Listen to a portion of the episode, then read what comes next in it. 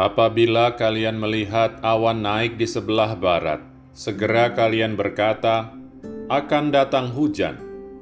Dan hal itu memang terjadi.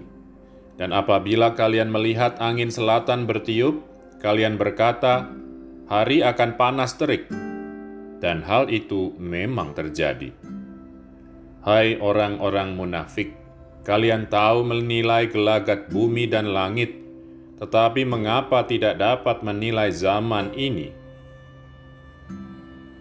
Teman-teman yang disayangi Tuhan, banyak dari kita yang ahli dalam macam-macam hal. Ada yang pinter banget dan jago bahasa-bahasa asing. Mungkin di bidang ekonomi, keuangan, dan bisnis. Mungkin soal IT dan sains, atau soal seni dan desain.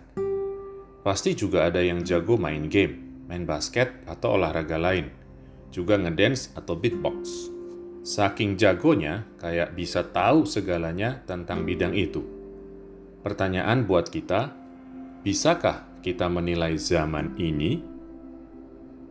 Teman-teman yang terberkati.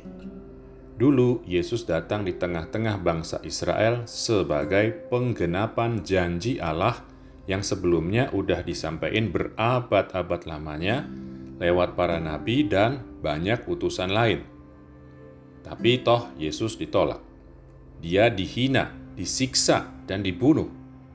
Hal itu mengungkapkan yang disebut Yesus sebagai ketidakmampuan mereka menilai zaman ini. Teman sahabat Yesus, pada waktu Yesus datang dulu, orang-orang belum lihat tanda dan bukti paling nyata kasih dan kebenaran kata-kata Yesus. Mereka belum melihat Yesus mati di salib untuk kita. Tapi sejak itu sampai sekarang ini gak kurang-kurang kesaksian, tanda, dan bukti untuk itu. Nyatanya banyak orang masih gak mau percaya.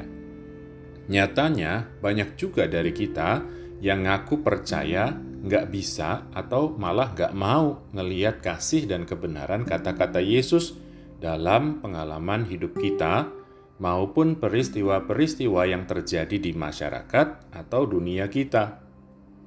Banyak yang terus aja hidup ngikutin pikiran dan kemauannya sendiri, gak berusaha sedikit pun untuk menyesuaikan diri sama ajaran Yesus, atau terus menunda, menerima, dan mengakui Yesus dengan dalih mencari dan mempertimbangkan kebenaran.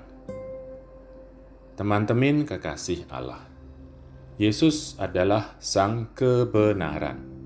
Dia sudah hadir dan menyatakan dirinya dalam hidup kita, masyarakat, dan dunia kita.